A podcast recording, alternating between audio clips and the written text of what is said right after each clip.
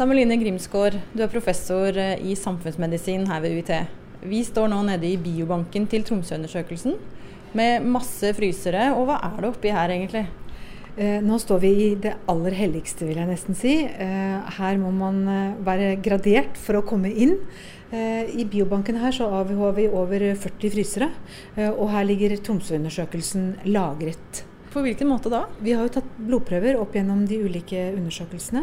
Eh, og de ligger altså lagret i frysebokser i kjelleren på, på Det helsevitenskapelige fakultet, hvor vi er nå. Kristin Kanstad, du er driftsansvarlig på Tromsøundersøkelsen, og du passer på de her fryserne. Hva innebærer det? Vi går bl.a. i en sånn vaktordning for å, å ha døgnkontinuerlig eh, pass i tilfelle en av fryseboksene skulle ryke, f.eks. Vi har også eh, personale som jobber på selve biobanken for å passe på den. Hvor viktig er det, disse prøvene som ligger her? Det er jo fremtidig gull for uh, fremtidige problemstillinger eller andre altså, lure ting man kommer på som man gjerne skulle ha undersøkt. Disse prøvene er tatt i forbindelse med Tromsøundersøkelsen, og hva er egentlig det? Tromsøundersøkelsen er en befolkningsundersøkelse som startet her i Tromsø på, i 1974. Og Bakgrunnen for at den startet, var at vi så at det var veldig høy forekomst av hjerte- og karsykdom her i landsdelen. Eh, det var et nytt universitet. Det var et universitet av og for folket. Og de som kom og etablerte universitetet, de så at eh, det var ikke sjelden at menn i sin beste alder, sånn 50-årene, ramlet over ende og var plutselig døde av store hjerteinfarkt.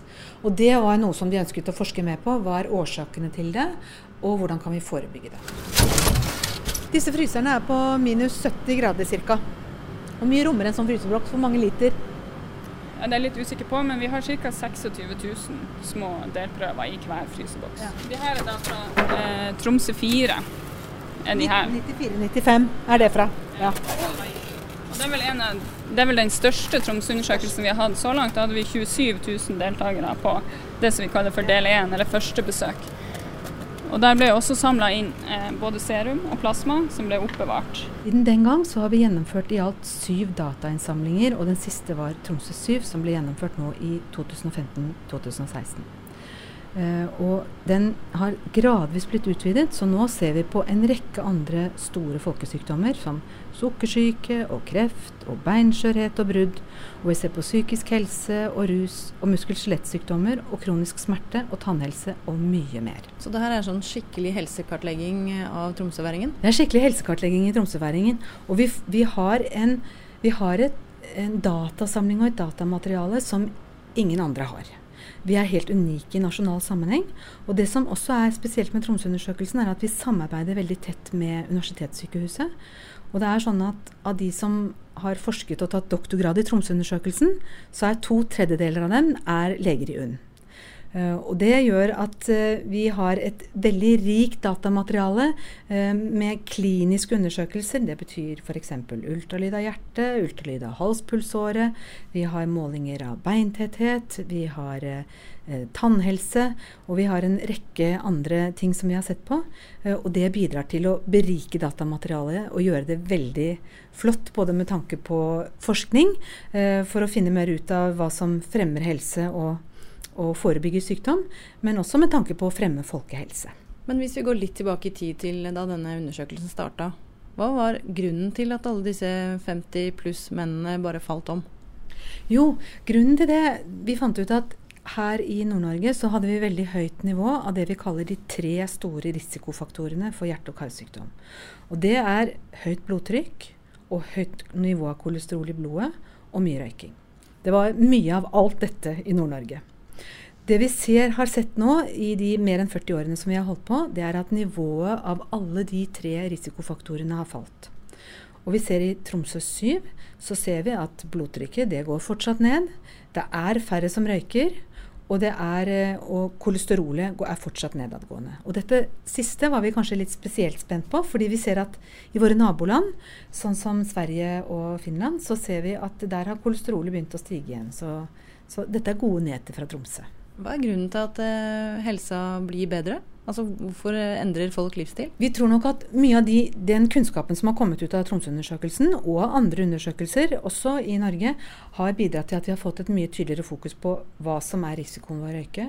Eh, hvordan kostholdet vårt kan være mer gunstig sammensatt. Og da tenker vi kanskje spesielt på det å spise mer frukt og grønt, og det å spise mindre av mettet fett. Uh, og så, når det er denne, denne, nedgangen i blodtrykket, der klør vi som er forskere vi klør oss virkelig i hodet, for det skjønner vi ikke ordentlig. Uh, og noe som også er veldig rart for oss, som vi prøver å finne mer ut av, det er at vanligvis så ser vi en sammenheng mellom at vekta øker, og da øker blodtrykket også ofte. Men det vi ser i Tromsø-undersøkelsen, og det er et annet funn som vi har vært mye opptatt av, vi ser at vekta øker, men blodtrykket fortsetter å gå ned. Og det er et paradoks. Så hvis vi kan finne svaret på det, så har vi, har vi virkelig fått frem noe ny kunnskap.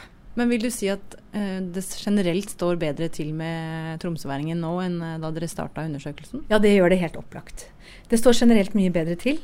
Det som, er, eh, som vi ser på som helseutfordringer nå, er jo at vi ser at vekta øker.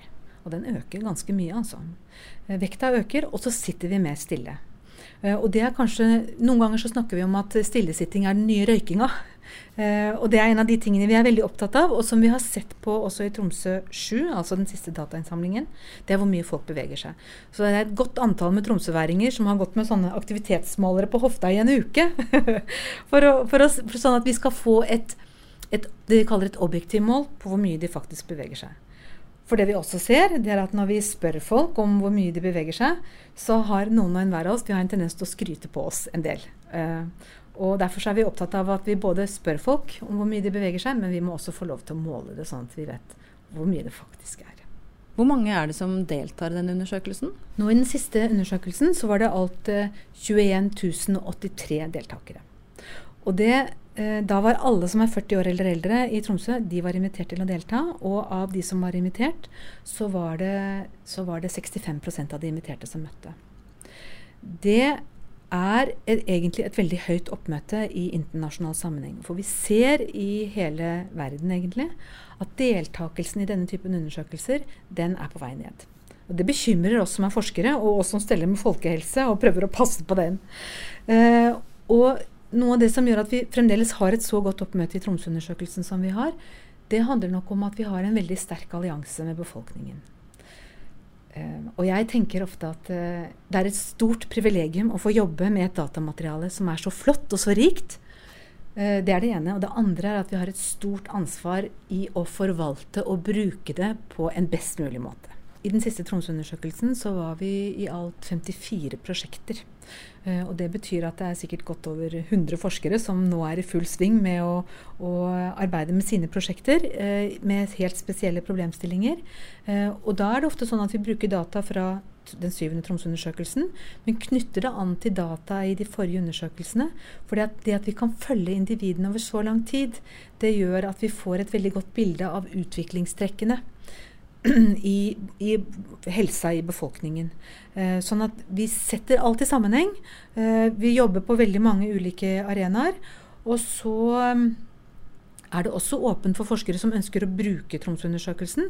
Da kan de søke om tilgang til datamateriale. Vi har tatt vare på prøver fra 70-tallet, og vi håper jo at eh, kvaliteten på dem når vi kommer så langt at vi skal analysere dem, er bra.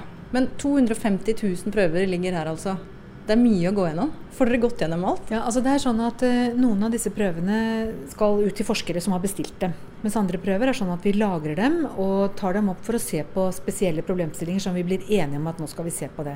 Og Det er jo alltid litt et spørsmål om hvor mye, hvor mye, skal vi bruke, og hvor mye skal vi ha igjen i, i innskuddet i banken vår, for å si det sånn. Hvilken nytte har sånne undersøkelser eh, for min helse eller andres helse? Altså, hvorfor gjør man egentlig dette her? Jeg tenker at det er, det er, nyttig på mange måter. Og jeg tenker kanskje det viktigste er at uh, vi får frem ny kunnskap som er viktig for deg når du skal ta valg om, uh, om helsa di. Og som er viktig for hvordan vi det miljøet som omgir deg og barna dine, eh, med tanke på, på, helsefaktorer. Og så er det også viktig for å utvikle og tilrettelegge det helsetilbudet som, som, vi skal ha i Norge. Så det går på mange nivå.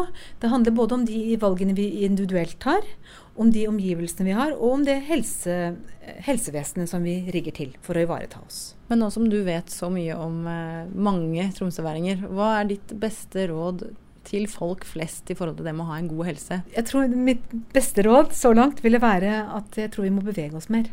Uh, og for meg selv så tenker jeg at uh, jeg må ta alle de trappene jeg kan få. så kanskje hvis jeg skulle oppsummere det kort, så ville det være en av tingene.